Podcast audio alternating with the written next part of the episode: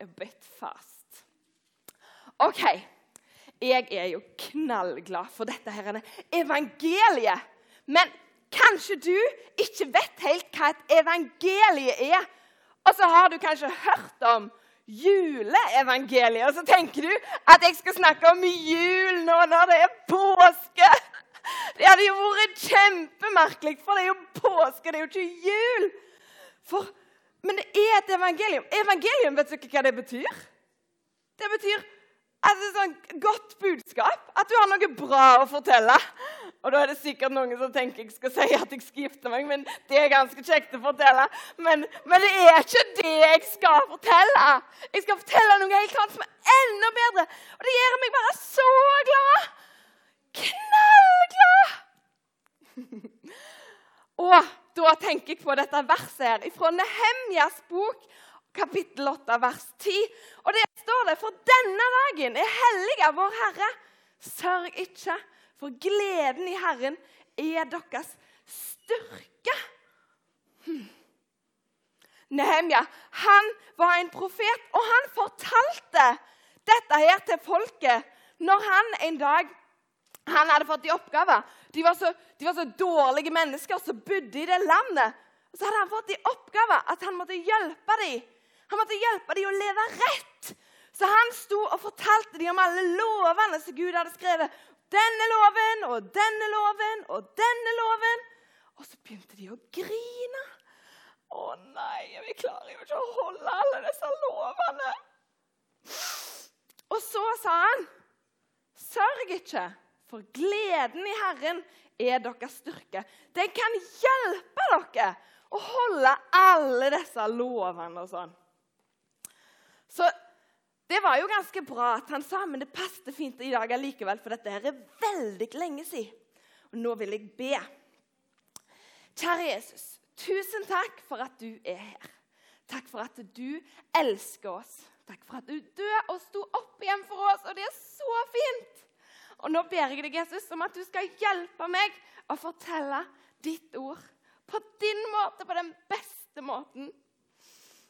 La det være noe vi kjenner inni oss og ikke bare ord vi sier utenpå.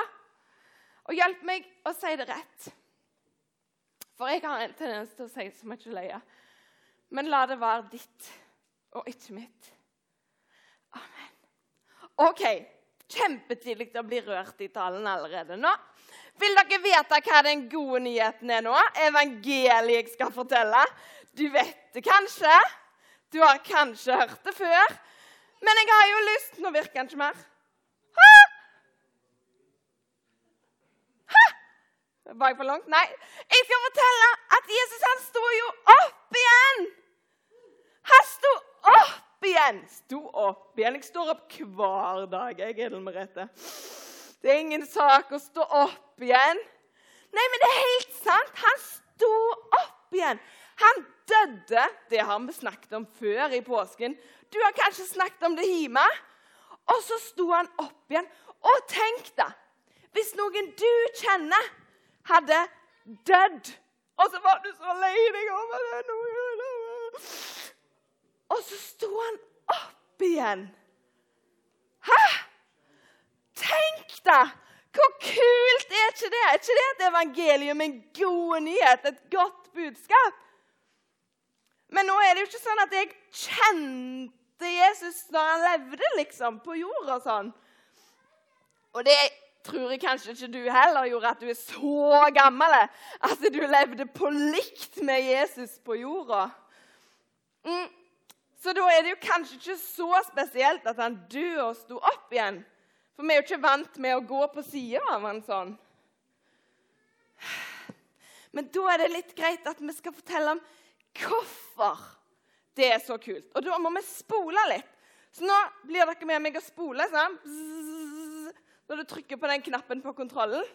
For aller, aller, aller først så begynte Gud med å skape verden. Der alle menneskene bor. Sant? Han skapte gresset og vannet og alt det som var der, skapte han. Og så sa han at de kunne ete av alle tingene utenom det ene treet. Oi. Det er jo litt vanskelig. Det frister jo som oftest litt å gjøre det vi ikke får lov til.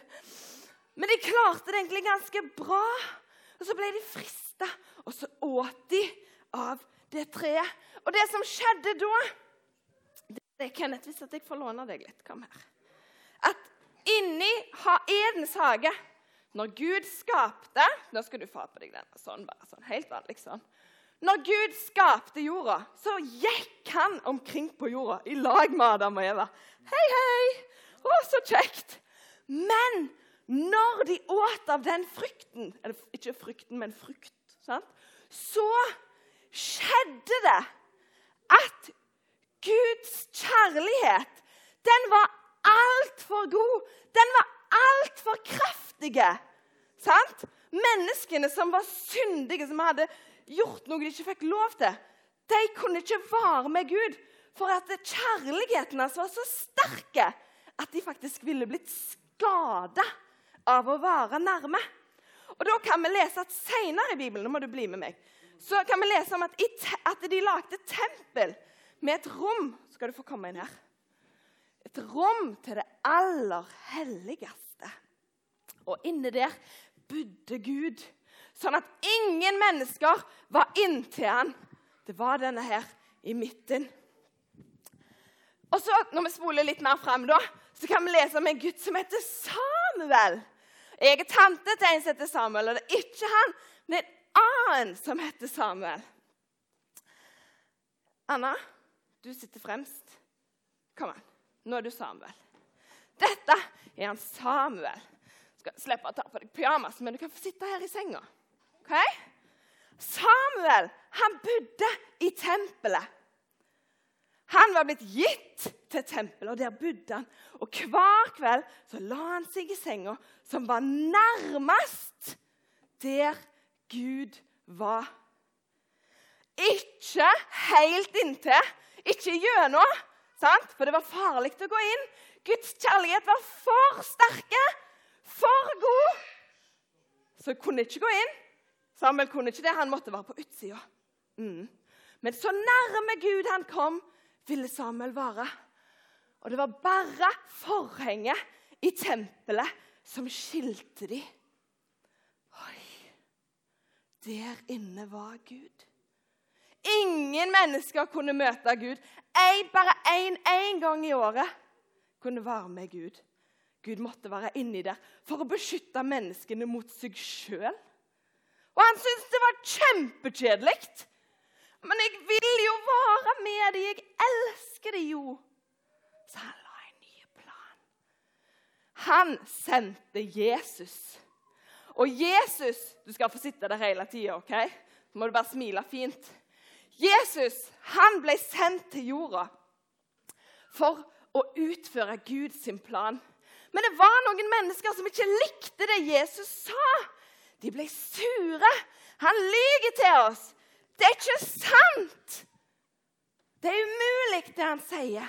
Og Derfor så bestemte de seg for at han skulle korsfestes. Og da skal vi lese. Se om jeg får dette til. Lettrørt som jeg er. Fra den sjette timen falt det et mørke over hele landet. Helt til den niende time. Og ved den niende time ropte Jesus med høy røst, Eli, Eli, lema sabachthani. Det betyr, min Gud, min Gud, hvorfor har du forlatt meg? Noen av dem som sto der, hørte det og sa, han roper på Elia.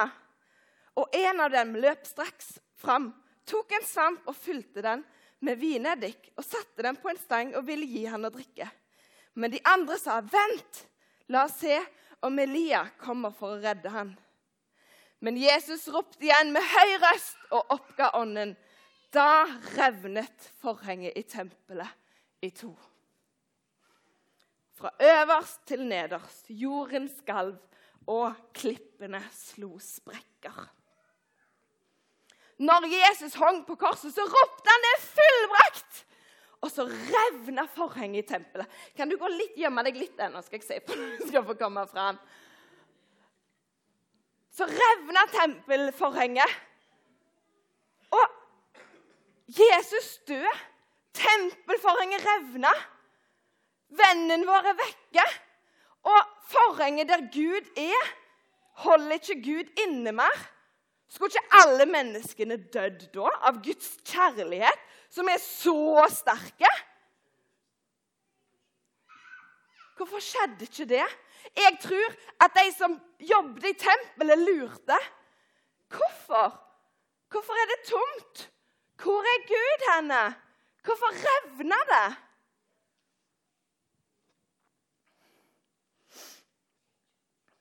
Det var altfor tjukt til at noen andre kunne gjort det.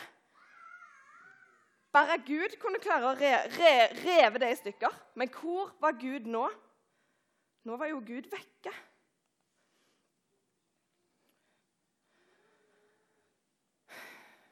Jeg tror vennene til Jesus følte at alt var fortapt. Hva skal vi leve for nå? Ingenting igjen.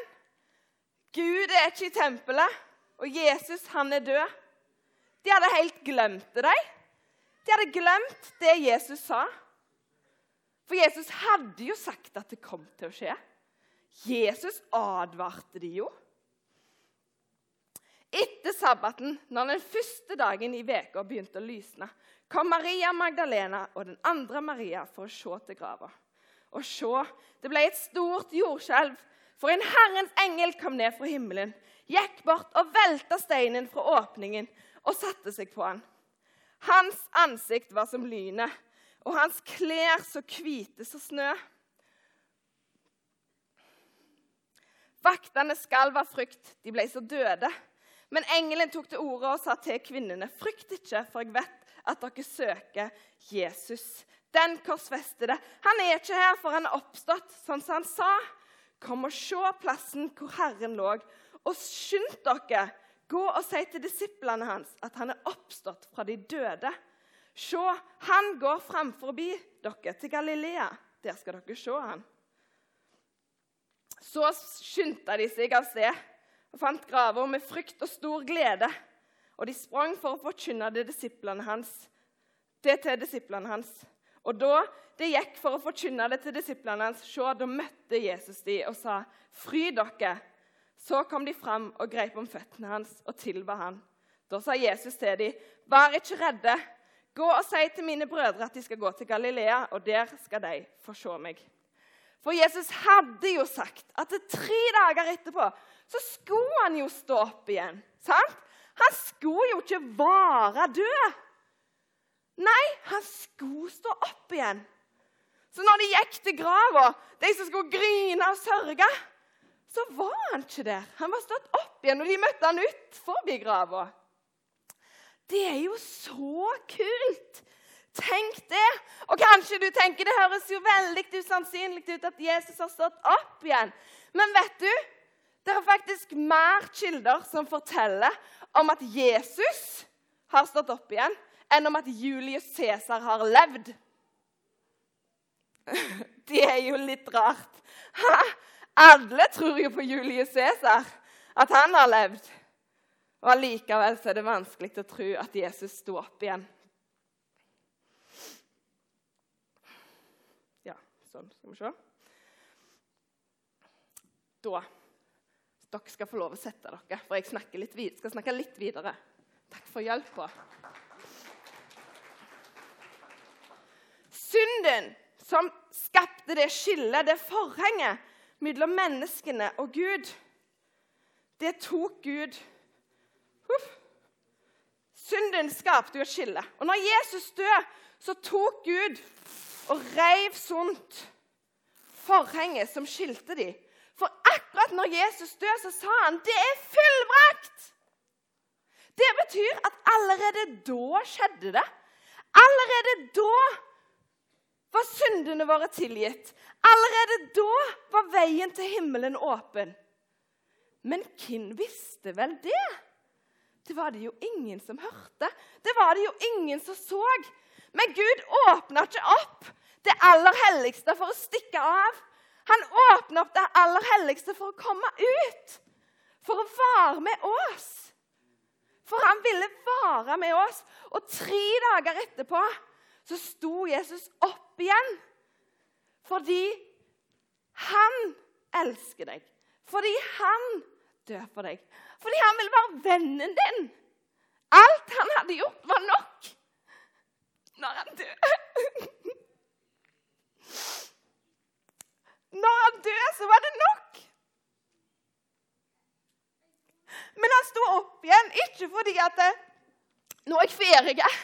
Jeg fikste det, jeg var ferdig. Nå kan jeg slappe av i himmelen. Han sto opp igjen, for han elsker deg, og han elsker meg.